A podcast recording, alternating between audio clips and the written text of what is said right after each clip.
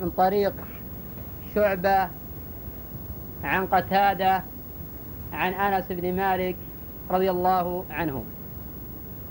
هذا الحديث حديث عظيم يشتمل على جمل ومعاني من فرائد الفوائد حيث قال صلى الله عليه وسلم ثلاث من كنا فيه. ثلاث نكرة والأصل أنه لا يجوز الابتداء بالنكرة. إذا كيف ساغ هنا الابتداء بالنكرة؟ الجواب أن النكرة إذا نونت قامت مقام المضاف إليه. قال ابن مالك رحمه تعالى ولا يجوز الابتداء بالنكرة ما لم تفد كعند زيد نمرة.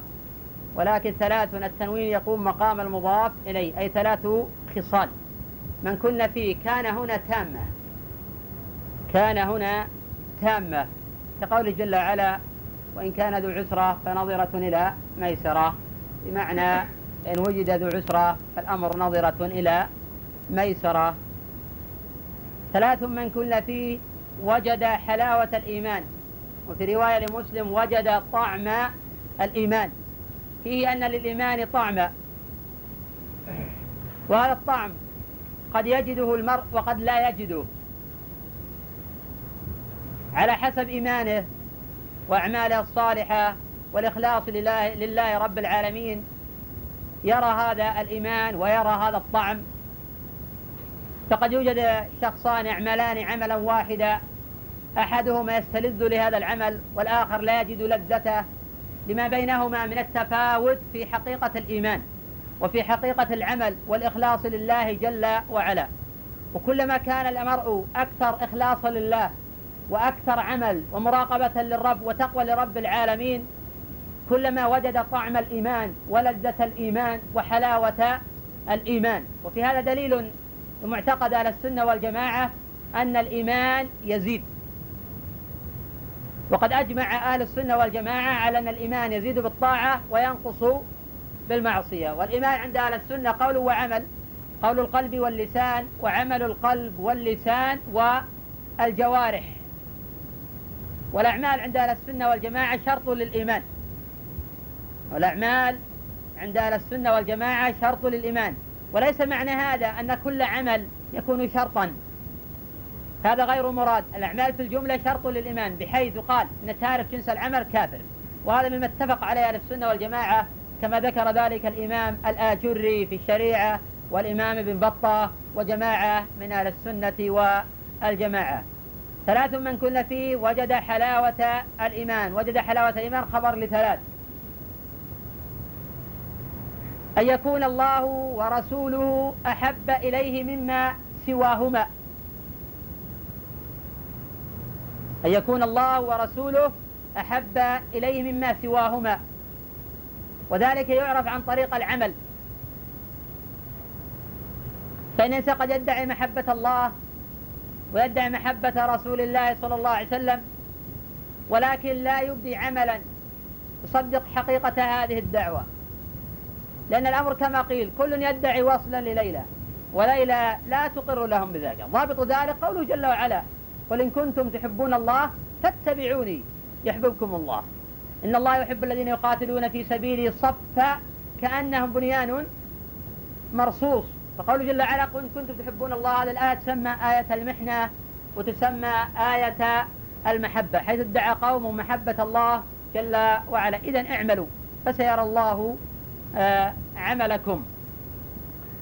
وفي هذا دليل على أن الأعمال من مسمى الإيمان. الأعمال من مسمى الإيمان خلافا للمرجئة.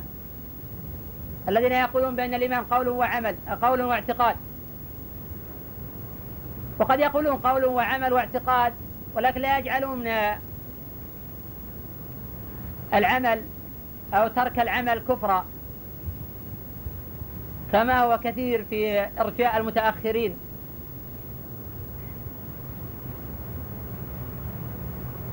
جاء في صحيح الإمام البخاري من طريق فليح بن سليمان عن هلال بن علي عن عطاء بن يسار عن أبي هريرة. أن النبي صلى الله عليه وسلم قال كل أمتي يدخلون الجنة إلا من أبى. قالوا يا رسول الله ومن يأبى؟ قال من أطاعني دخل الجنة ومن عصاني فقد أبى. وفي هذا دليل أيضا لمعتقد أهل السنة والجماعة أن الأعمال مسمى الإيمان وأنها سبب لدخول الجنة. فقالوا صلى الله عليه وسلم أن يكون الله ورسوله أحب إليه مما سواهما. حيث إذا ذكر رسول الله صلى الله عليه وسلم عنده تحرك قلبه واشتاق لرؤيته وآنس بسماع أحاديثه الصحيحة وبلغها لمن لا يعلمها وذب عن سنته تحريف الغالين وانتحال المبطلين وتأويل الجاهلين. والناس يتفاوتون في هذا الخير. على حسب تفاوتهم في الإيمان وتفاوتهم في العلم وتفاوتهم في الهم الذي يحملونه لهذا الدين يحملونه لهذه الدعوة. قوله صلى الله عليه وسلم مما سواهما احتج بهذا بعض أهل العلم على جواز جمع الضميرين. احتج بهذا بعض أهل العلم على جواز جمع الضميرين. يكون الله ورسوله أحب إليه مما نقل سوى الله ورسوله صلى الله عليه وسلم مما سواهما. ومنع من ذلك آخرون لأن النبي صلى الله عليه وسلم قال للخطيب الذي قال ومن يعصهما فقد غوى. قال بئس الخطيب أنت. والحديث رواه الإمام مسلم رحمه الله في صحيحه. إذا يمكن الجمع بين الأمرين فيقال يجوز الجمع بين الضميرين للرسول صلى الله عليه وسلم دون غيره. ومن عداه وبما أن يتطرق إليه احتمال فيمتنع.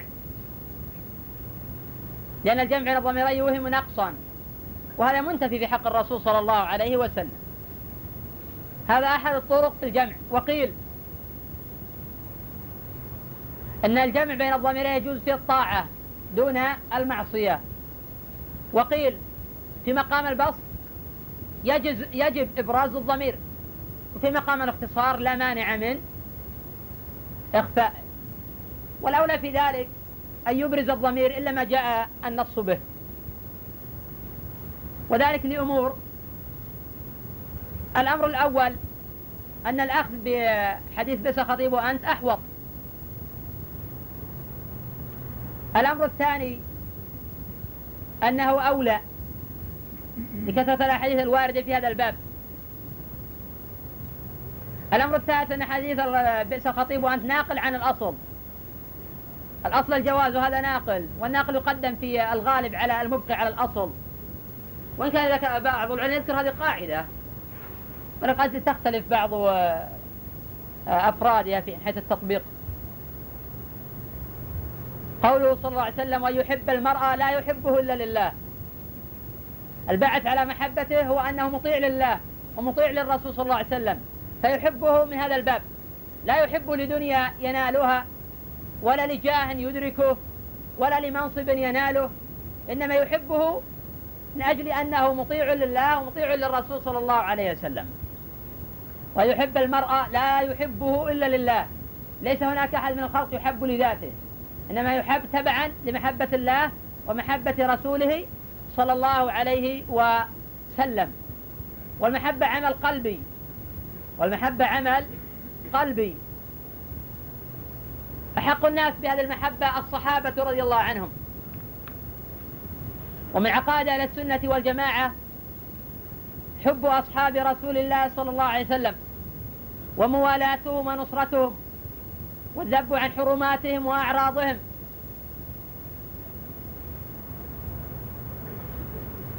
وأفضل الصحابة أبو بكر ثم عمر ثم عثمان ثم علي وهؤلاء الخلفاء الراشدون الأربعة رضي الله عنهم وعن الصحابة أجمعين.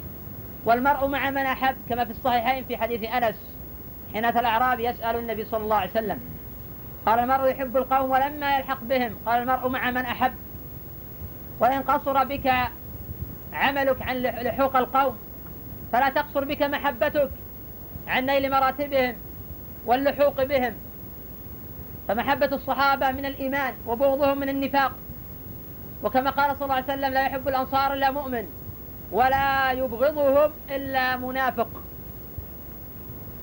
الصحابة رضي الله عنهم الذين قاموا بنصر هذا الدين وبرفع مقامه وإعلاء شأنه وهم الذين بذلوا نفوسهم وأرواحهم لإقامة حكم الله في الأرض وتوطيد الأمن.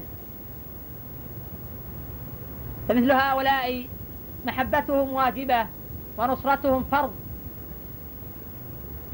وقد شهد الله جل وعلا لهم بالجنة كما في سورة الحديد لا يستوي منكم من أنفق من قبل الفتح وقاتل أولئك أعظم درجة من الذين أنفقوا من بعد وقاتلوا وكلا وعد الله الحسنى. أي ممن آه، أنفق وجاءت قبل الفتح ومن أنفق وجاءت بعد آه، الفتح وكلا وعد الله الحسنى أي الجنة. وكما قال الله جل وعلا محمد رسول الله والذين معه أشداء على الكفار رحماء بينهم تراهم ركعا سجدا يبتغون فضلا من الله ورضوانا سيماهم في وجوه من أثر السجود. ذلك مثل في التوراة ومثل في الإنجيل كزرع أخرج شطأه فآزره فاستغلظ فاستوى على سوقه يعجب الزراع ليغيظ بهم الكفار. وعد الله الذين آمنوا وعملوا الصالحات منهم مغفرة وأجرا عظيما.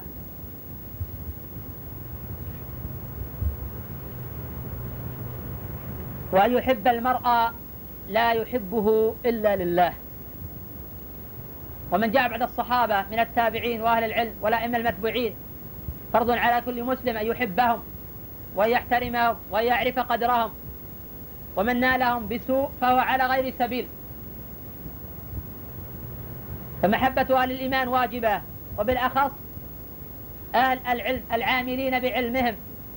المتقين لربهم فيما نحسبهم والله حسيبهم. فهؤلاء أقرب الناس لربهم. ففرض على العباد محبتهم وموالاتهم ونصرتهم والكف عن أعراضهم وحرماتهم فلا يذكرون إلا بخير.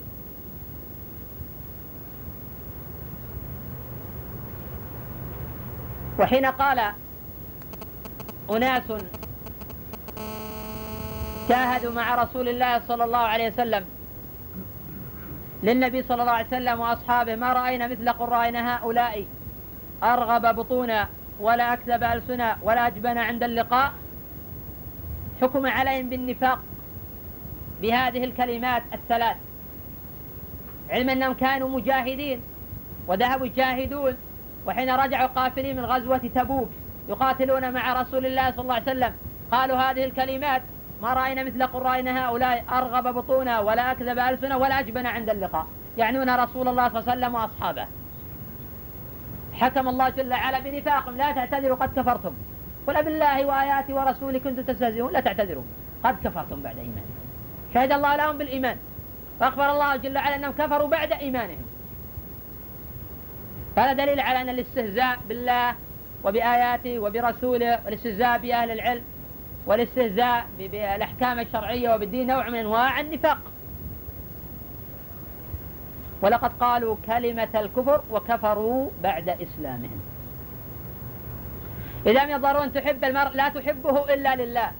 والمحبة في الله من أوثق عرى الإيمان. الحب في الله والبغض في الله من أوثق عرى الإيمان.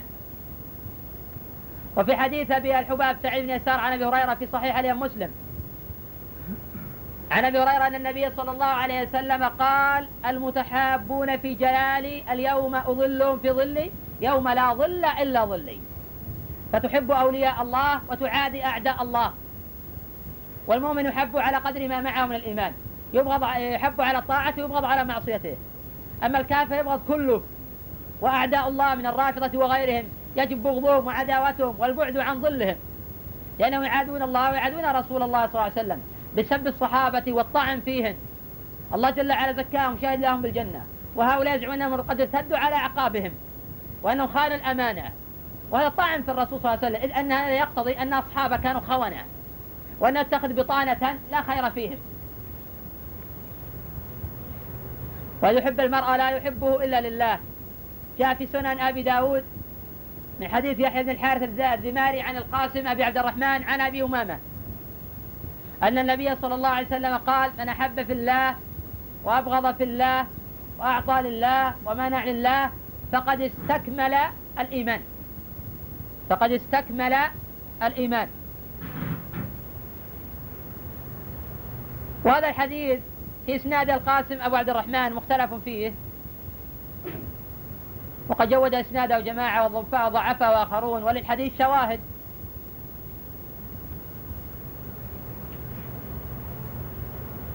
ويحب المرء لا يحبه لله وأن يكره أن يعود في الكفر بعد إذ أنقذه الله منه كما يكره أن يلقى في النار.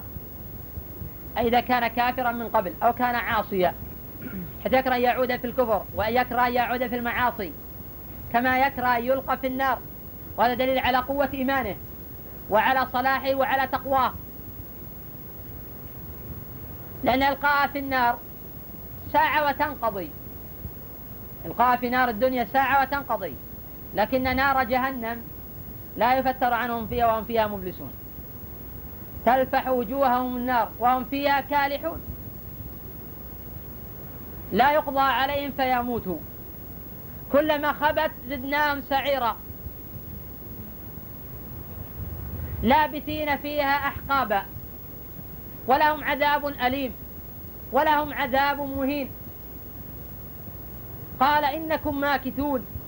وغير ذلك من الأدلة نذكرها في كتاب الله جل وعلا في عظيم هذا العذاب.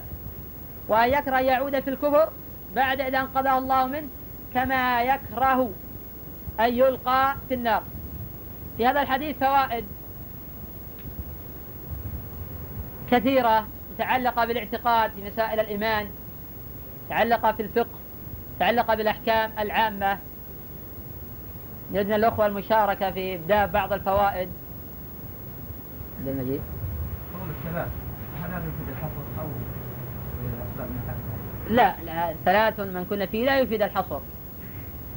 ثلاث من كنا فيه وجد حلاوة هذا لا يفيد الحصر. قد تتوفر هذه الأمور تتخلف غيرها. ولكن من وجدت في هذه الأمور فحاليا توجد فيه غيرها.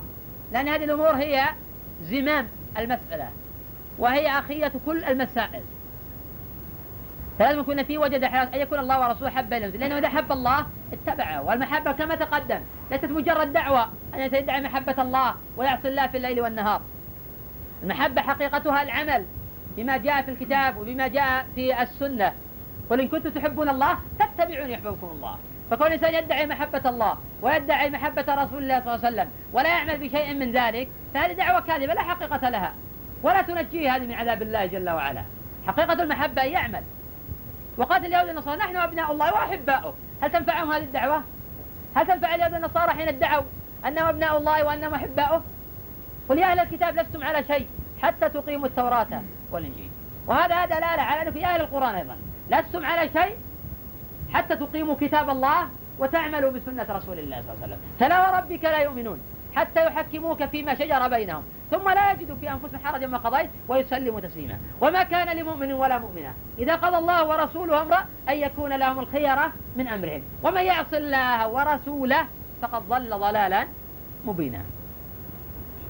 شاركت الأخوة في الفوائد أخ عبد الرحمن. السعادة وحلاوة العيش في الدار أعد أرفع صوتك حتى يستفيد الأخوة. وحلاوة العيش في الدارين يجدها في الإيمان. نعم الأخ يقول من فوائد الحديث أن من طلب السعادة ونشدها وحلاوة الإيمان والسعادة في الدارين فليبحث عن ذلك بالإيمان بالله وبرسول الله صلى الله عليه وسلم والعمل بما جاء عنهما. فلا سعادة للعبد ولا فوز ولا نجاة إلا باتباع الوحيين. والذين آمنوا وعملوا الصالحات لنحيينهم حياة طيبة. فالحياة الطيبة تكون بالإيمان. فلا تنشدها في معصية الله ولا في سماع الأغاني ولا في سماع الخناء ولا في الجلوس عند المومسات ولا في مشاهدة الأفلام والمسلسلات ولا حضور المباريات تنشدها في طاعة الله وفي طاعة رسول الله صلى الله عليه وسلم. حتى المحبة تجدها في تحصيل المال ونحو ذلك محبة نسبية. سرعان ما تذهب إذا لم يكن ثم إيمان. المحبة الحقيقية ننشدها في طاعة الله وفي طاعة رسول الله صلى الله عليه وسلم. فحينئذ كما قال ابن تيمية رحمه تعالى إن في الدنيا جنة من لم يدخلها لم يدخل جنة الآخرة. وقال بعض السلف مساكين أهل الدنيا خرجوا من الدنيا وما ذاقوا أطيب ما فيها؟ قيل له وما أطيب ما فيها؟ قال محبة, رسول محبة الله ومحبة رسول الله صلى الله عليه وسلم. وكما قال بعض السلف لو يعلم الملوك وأبناء الملوك ما نحن عليه أي من الخير والنعيم لجالدون عليه بالسيوف. وكما قال أبو سليمان الدراني لأهل الليل بليلهم ألذ من أهل اللو بلهوهم. محبة عظيمة بخلاف أهل المعاصي. ما يعانون من الضيق وما يعانونه من الضنك كل بحسب معصيته. ومن سيء الأخلاق وضيق النفوس أمر أكبر مما يدل في الخيال. رأيت الذنوب تميت القلوب وقد يورث الذل إدمانها وترك الذنوب حياة القلوب وخير لنفسك عصيانها. وهل أفسد الدين إلا الملوك وأحبار سوء ورهبانها؟ أيضا بعض الفوائد. ذاق طعم الإيمان فإنه لا يهمه ما يلقاه الناس حتى وإن إي نعم. أن من ذاق طعم الإيمان ورضي بالله ربا وبالإسلام دينا وبمحمد صلى الله عليه وسلم لا يشعر بألم ما يجد من أذية الخلق حتى حين يلقى في النار لأنه معتصم بالله ويعلم أن طريق السعادة لا ينال على جسر من التعب فحينئذ يهون عليه الأمر. ولمن عرف قدر ما يطلب هان عليه ما وراء ذلك. أم حسبت تدخل الجنة؟ ولم يأتكم مثل الذين خلوا من قبلكم. مستهم البأساء والضراء وزلزلوا حتى يقول الرسول الذين آمنوا متى نصر الله؟ ألا إن نصر الله قريب. نعم. أن الإيمان يتفاضل وهذا متفق عليه بين أهل السنة والجماعة. يزيد بالطاعة وينقص بالمعصية. أهل الإرجاء طوائف منهم من قال الإيمان قول وعمل. وما عفوا قول واعتقاد. ومنهم من قال متأخرين قول وعمل واعتقاد لكن يقول لا يكفر تارك جنس العمل مطلقا. وهذا قول أهل الإرجاء. ومنهم من قال لا يكفر إلا بالجحد. مهما فعل من المكفرات ما لم يجحد فيكفر. هذه مذاهب من مذاهب أهل الأرجاء مخالفة لما اتفق عليه أهل السنة والجماعة. هذا من فوائد الحديث تركة الأخوة. نعم. هل يفرق بين الله ولله نريد الفوائد وبعدين الأسئلة. لا أخذنا. نعم. زيادة الإيمان. تقدم. زيادة الإيمان ونقصانه هذا تقدم. الحب في الله والبغض في الله من أوثق اي نعم. الحب في الله والبغض في الله من أوثق. عرى الإيمان وأن المحبة النافعة ما هي المحبة النافعة؟ المحبة في الله. ولا يحب المرأة؟ لا يحب إلا إلا هنا أداة حصر. لا يحب إلا الله. ليس معنى هذا ذم المحبة الطبيعية. فليس يحب ولده محبة طبيعية. ونحو ذلك. ما تشغله عن طاعة الله. يحب المال محبة طبيعية ما تشغله يشغله عن طاعة الله. هذا لا لوم عليه في ذلك. ولكن المحبة التي ينتفع فيها في الآخرة ويؤجر عليها أن يحب المرأة لا يحبه إلا لله. نعم فوز الحديث هذا الحديث دليل على مذهب السنة والجماعة في دخول الأعمال في مسمى نعم هذا الحديث دليل على مذهب السنة والجماعة في دخول الأعمال في مسمى الإيمان. عبد الرحمن. أن الحب لله لا يزيد فيه العطاء ولا ينقصه يعني هذا ضابط المحبة هكذا قال بعض السلف. لا يزيد بالبر ولا ينقص بالجفاء. نعم. أن محبة الله مستلزمة لمحبة رسول الله صلى الله عليه وسلم. حيث أن إنسان آمن بالله وآمن بالقرآن لكن قال أنا ما أؤمن بالسنة ما حكمه؟ في طائفة تقول نؤمن بالقرآن لكن لا نؤمن بالسنة يسمون قرآنيين. شار إليهم السيوطي في مفتاح الجنة في احتياج بالسنة شار إلى المعنى ولم يشر إلى اللفظ اللفظ جاء فيما بعد. ما حكم شخص؟ قال والله أنا أؤمن بالكتاب وأؤمن بالله لكن لا أتبع رسول الله صلى الله عليه وسلم ولا أؤمن به. هذا مسلم عاصي ما حكمه؟ هذا يا أخي من بديهية الدين نعرفها.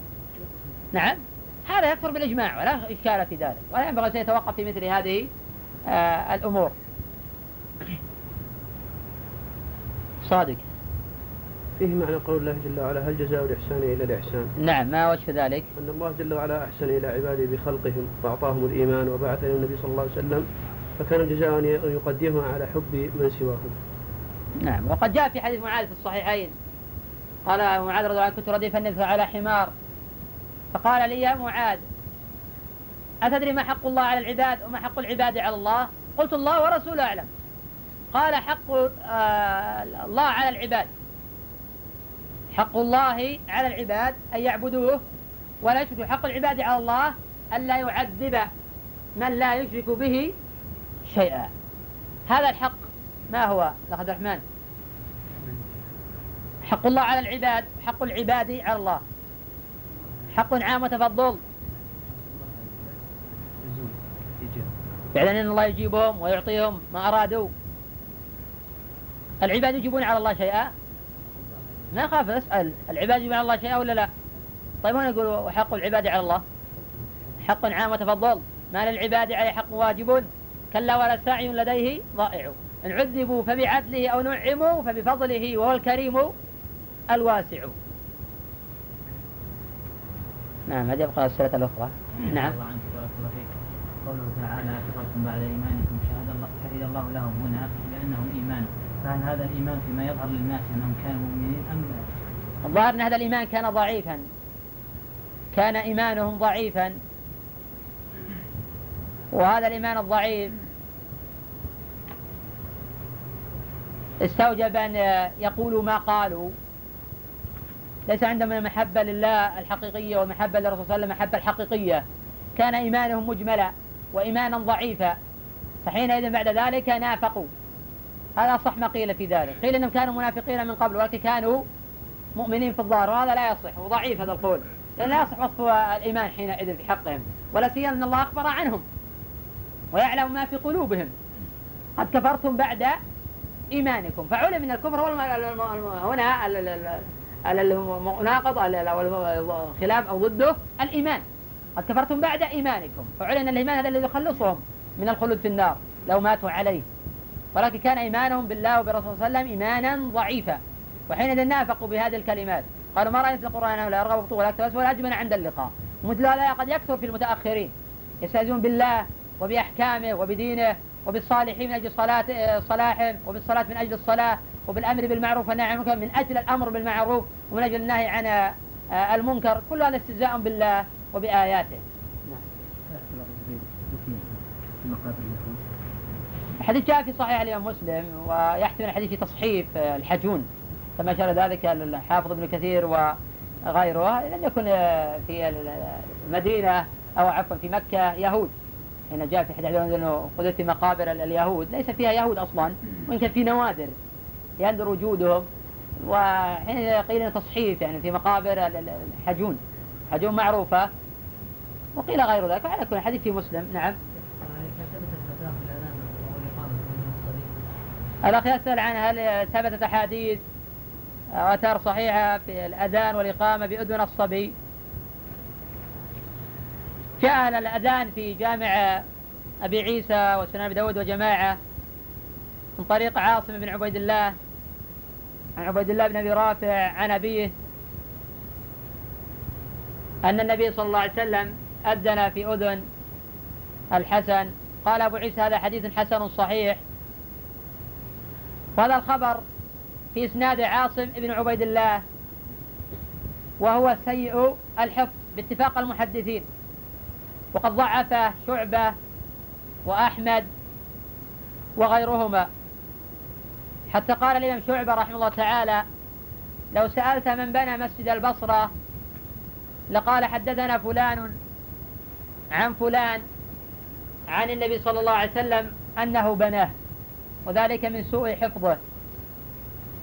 وجاءت أيضا الإقامة عند البيهقي في كتاب الإيمان بإسناد ضعيف جدا ولا يصح في الباب شيء ولا يصح في الباب شيء لا أذان ولا إقامة. وحينئذ لا يشرع العمل بذلك لأن لا يصح العمل إلا بما ثبت في الكتاب وبما ثبت في عفوا بما جاء في الكتاب وبما ثبت في السنة عن النبي صلى الله عليه وسلم. أما الأحاديث الضعيفة لا تجدي في هذا الباب. ولا سيما هذا حكم متعلق ليس مجرد أيضا فضل حكم متعلق وهو أنه يشرع الأذان أو يستحب الأذان في أذن الصبي. والأذان عبادة. العبادات مبنية على التوقيف. فلا يجوز صرف أو فعل عبادة إلا بدليل صحيح. ولا سيما أن الأصل في العبادات البطلان. من الأصل في العبادات البطلان. فلا تصح العبادة إلا بدليل صح والأحكام التكليفية من واجبات ومندوبات ومحرمات ومكروهات لا تثبت إلا بدليل صحيح. ولا يجدي فيها الحديث الضعيف. نعم. قد يقال لما العمل؟ لو كتب الله عز وجل لي السعادة فسأدخل الجنة؟ ولو أعملت سوء ولو كتب لي الشقاء فادخل النار ولو عملت صالح. هذا غير صحيح هذا كلام باطل. حيث يعتقد الإنسان أنه يدع العمل ويقول كل ميسر لما خلق له فأنا لا أعمل. لأنه إذا كان قد كتب الله علي السعادة فسوف أدخل الجنة ولو لم أعمل.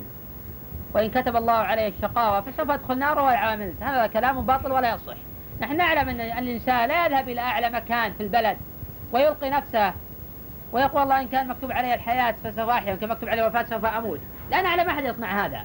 فلماذا لا يصنعون هذا وهم يصنعون هذا في الطاعات؟ عند مراد الله تفنى كميت وعند مراد النفس تسدي وتلحم وعند خلاف الأمر تحتج بالقضاء. ظهيرا على الرحمن للجبر تزعموا ومن الأثار ذكر أيضا الحافظ الذهبي رحمه الله تعالى في كتاب العلو أن رجلا سرق في عهد أمير المؤمنين عمر رضي الله عنه فأمر عمر رضي الله عنه بقطع يده فأتى قال يا أمير المؤمنين سرقت بقدر. قال ونحن نقطع يدك بقدر. قال اقطعوا يده. فلما قطعت يده قال سرقت بقدر. وقطعنا يدك بقدر. سرقت بقدر وقطعت وقطعنا يدك بقدر. فلا حجة الاحتجاج بالقدر على فعل المعاصي وعلى ترك الطاعات. والله جل ذكر في حدود ست موضع في كتابه. أن العمل سبب لدخول الجنة. جزاء بما كانوا يعملون. ادخلوا الجنة ما كنتم تعملون. العمل ضروري. لا بد من فعله. إنسان يعتقد أنه إذا عمل بطاعة الله على ما جاء في الكتاب وعلى ما جاء في السنة ويدخل النار هذا غير صحيح. اعتقاد باطل. فإن الله جل تكفل لمن أطاعه واتبع رضوانه واجتنب نهيه أن يدخله الجنة. ما لم يمت على سوء خاتمة. ولخاتمة سوء أسباب أيضا. فلا تصور الإنسان يدخل تلقائيا. آه النار ولو أطاع الله. هذا غير صحيح. فإذا لابد من الأعمال الصالحة والانتهاء من نواقض الإسلام ونحو ذلك إذا أراد يدخل الجنة وكون يتكئ على ذلك على القدر هذا باطل ولا يجوز. كما لا يتكئ على القدر في الأمور الكونية بحيث يلقي نفسه في مكان شائع كيف يتكئ على القدر في ترك الطاعات وفعل المحرمات والمنكرات؟ نعم. بعض الناس يقول عبارات على أمور الدين نعم. على أمور الدين مثل الشك هذا ارفع صوتك.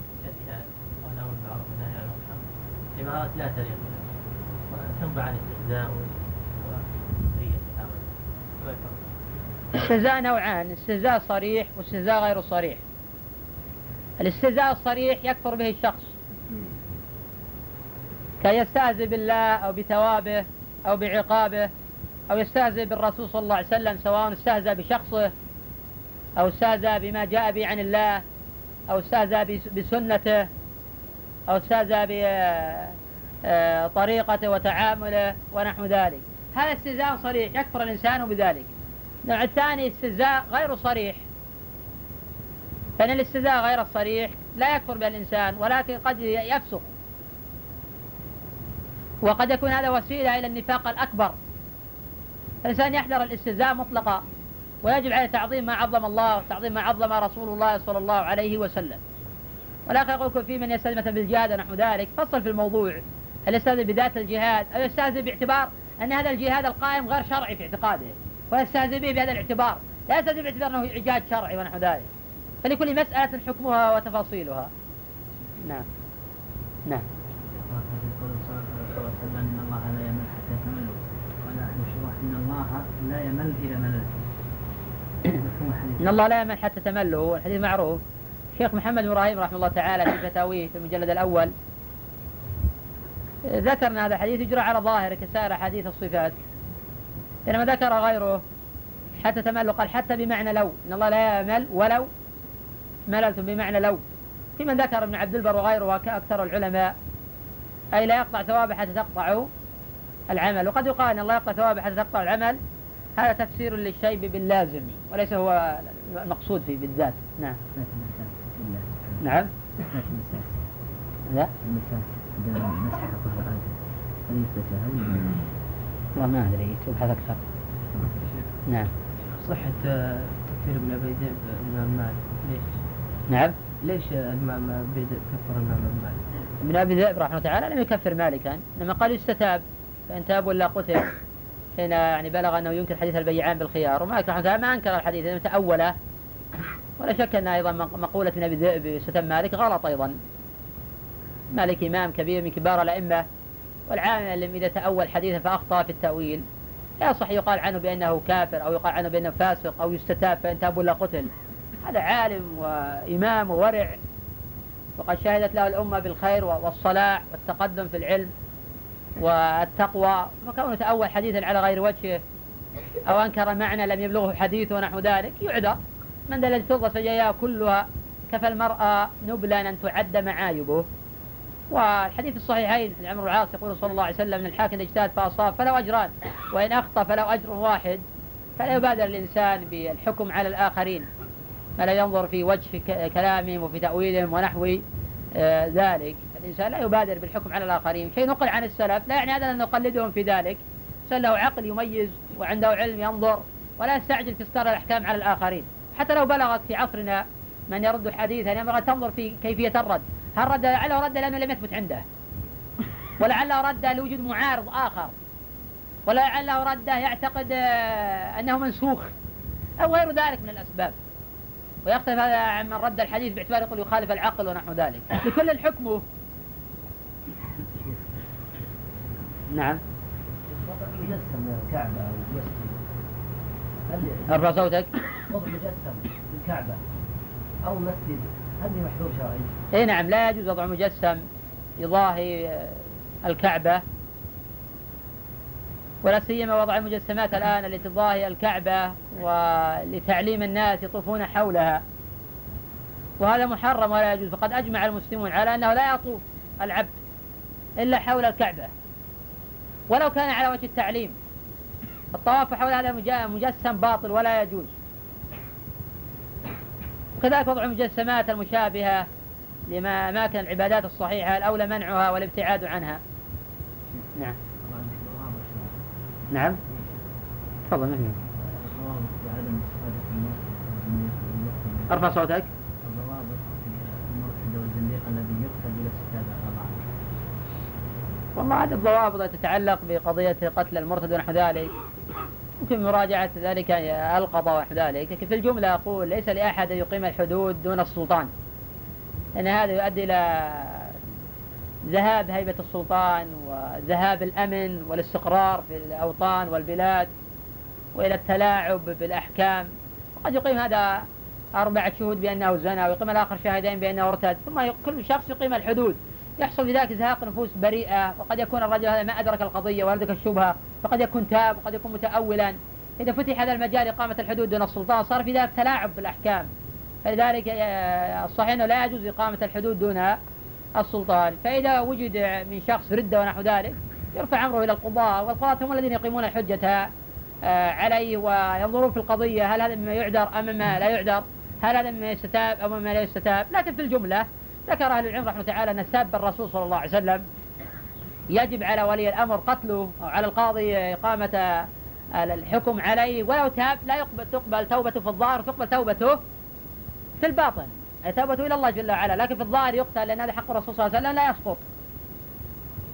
فهذا له من الوان المسائل التي يفرق فيها بين الظاهر والباطن والتفاصيل هذه يمكن مراجعة كلام الفقهاء وتعطى كل قضية حكمها. لكن لو أن شخص مثلا طاف حول القبور أو ذبح لغير الله ثم بعد ذلك استتيب فتاب تقبل توبته باطنا وظاهرا. نعم.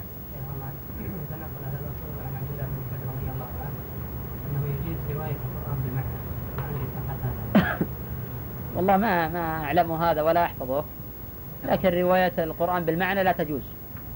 وقد نقل غير واحد من العلم الاتفاق على تحريم رواية القرآن بالمعنى وهذا ينافي قضية الحفظ. الله حفظه لنا فلا بد أن تقرأ القرآن بلفظه الموجود في المصاحف. لما يكون إنسان يقرأ القرآن بالمعنى فلا أظن أحدا يجيزه. وعلى كل يوجد عن أحد أجاز فهذا باطل. وقد نقل غير واحد من العلم الاتفاق على تحريم قراءة القرآن بالمعنى. نعم هل يجوز قراءة القرآن إذا القراءة يعني وافقت ما عند السبعة فلا بأس بذلك. إذا القراءة الشاذة فلا يجوز القراءة بها في الصلاة. يكفي هذا. مساكين. فاطعم فاطعم القانع والمعتر. نعم. وعامة الناس ما يعطون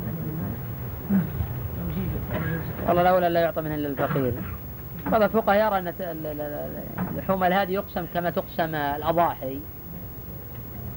الأضاحي وهذا قول لبعض العلماء وهو قياس لكن ظاهر الأدلة أنه يطعم الفقير ولا يأكل منها الإنسان أطعم القانع المعتر. على كل توزع في الحرم أيضا ثم محلها إلى البيت العتيق. قياس طبعا نقول العلماء يعني عمل الناس اليوم هو مذهب الإمام أحمد وجماعة من العلماء. الفرق بين لله بالله هل بحث عنه؟ نعم. الفرق بين الحب في الله ولله أي نعم. تمام. من بحث عنه؟ ابن القيم رحمه الله تعالى؟ في مدارج السالكين وفي أشار إليها أيضا في الجواب الكافي الكلب الأسود البهيم؟ يعني الذي لم يخالطه لون آخر. الأسود البهيم الذي لم يخالطه لون آخر. النقطتين نعم. ذو النقطتين. وعليكم الأسود البهيم ذو النقطتين. كيف؟ لا لا هذا شاذة نعم. حديث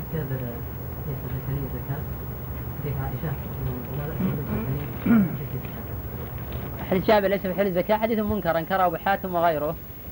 كذلك حديث عائشة لا بأس بالحل ما أدي الزكاة وهذا حديث ضعيف يعني لا يصح له شيء. مرفوع لا يصح له شيء نعم.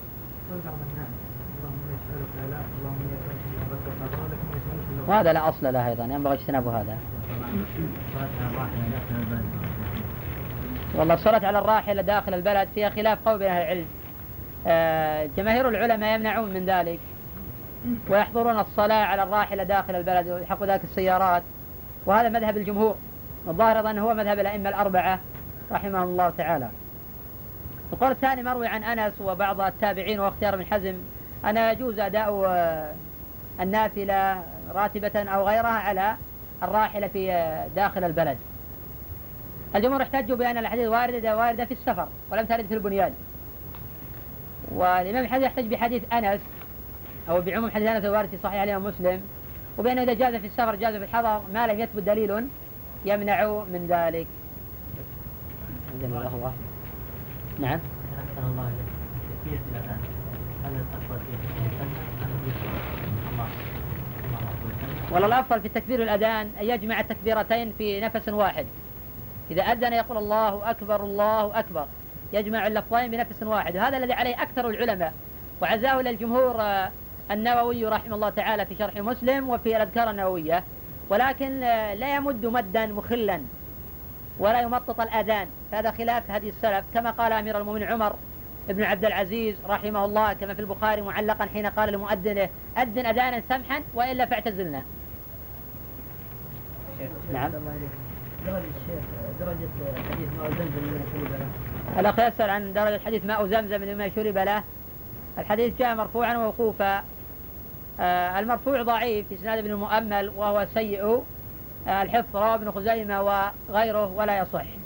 والموقوف لحظة. والموقوف جاء حديث معاوية عند الفاكهي. وأيضا في اسناد موقوف أيضا لين عن معاوية رضي الله عنه. ولكن ثبت عن جماعة من الصحابة آخرين وثبت وجاء في صحيح الإمام مسلم أن النبي صلى الله عليه وسلم قال طعامه طعم وزاد أبو داود الطيالسي وشفاء آه، سقم.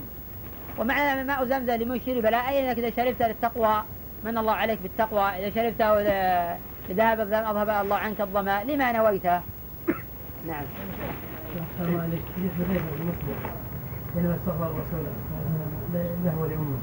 هل يؤخذ منه التنفل بين المغرب والعشاء؟ صلاة الراتبة في المسجد؟ اي نعم هنا حذيفة رضي الله عنه وقال أتيت النبي صلى الله عليه وسلم أطلب في حاجة فصلى المغرب ثم قام يصلي حتى دخل وقت العشاء. في هذا فوائد كثيرة لكن الذي يتعلق بسؤال الأخ من فوائده إحياء ما بين العشاءين. بدليل على مشروعية إحياء ما بين العشاءين. فالإنسان يفعل ولو مرة في العمر. وفي تفسير قول الله جل وعلا تتجافى جنوبهم عن المضاجع يدعون ربهم خوفا وطمعا. قيل إحياء ما بين العشاءين هذه الفائدة الأولى. الفائدة الثانية جواز أداء الراتبة في المسجد ويصير راتبة المغرب حين قال الصلاة في البيوت هذا دليل على أن هذا على وجه الاستحباب لا على وجه الإجابة وهذا دليل أن الإنسان يؤدي راتبة المغرب تارة في المسجد بناء على فعل النبي صلى الله عليه وسلم. كلام طيب قال ما ثبت هذا الحديث سند صحيح. افتح مجال للأخوة لمسألة. نعم. حديث التجفية هل هو أن يقوي الطهارة أو يقصر إلى أن يكون ظهره النبي إذا سجد جخ بحيث يكون ظهره مقوسا بحيث وردت بهما تمر بين يديه لمرت يمدد و ينحني قال أحد الأوراد مارا تمر بين يديه إلى مرت. جاء في عضديه عن جنبيه وبطنه وعن فخذيه. صح يعني جخاء لا صح حديث أبى الله أن يجعل القاتل توبة ضعيف. نعم. قطع اليد في السرقة بالعملة الحالية كم تقريبا؟ قطع اليد؟ السرقة بالعملة الحالية. ربع دينار. دينار يساوي حوالي 120 ريال. الدنانير 300 ريال. آه، تقطع في ربع دينار فصاعدا يصير حوالي حوالي 45 ريال. هي السعودية. نعم. يرتفع يختلف اختلاف الدينار. الدينار يرتفع تارة وينزل. تارة 120 تقريبا. اي نعم 127 حوالي الدينار يبلغ ريالا وقد يزيد وقد ينقص.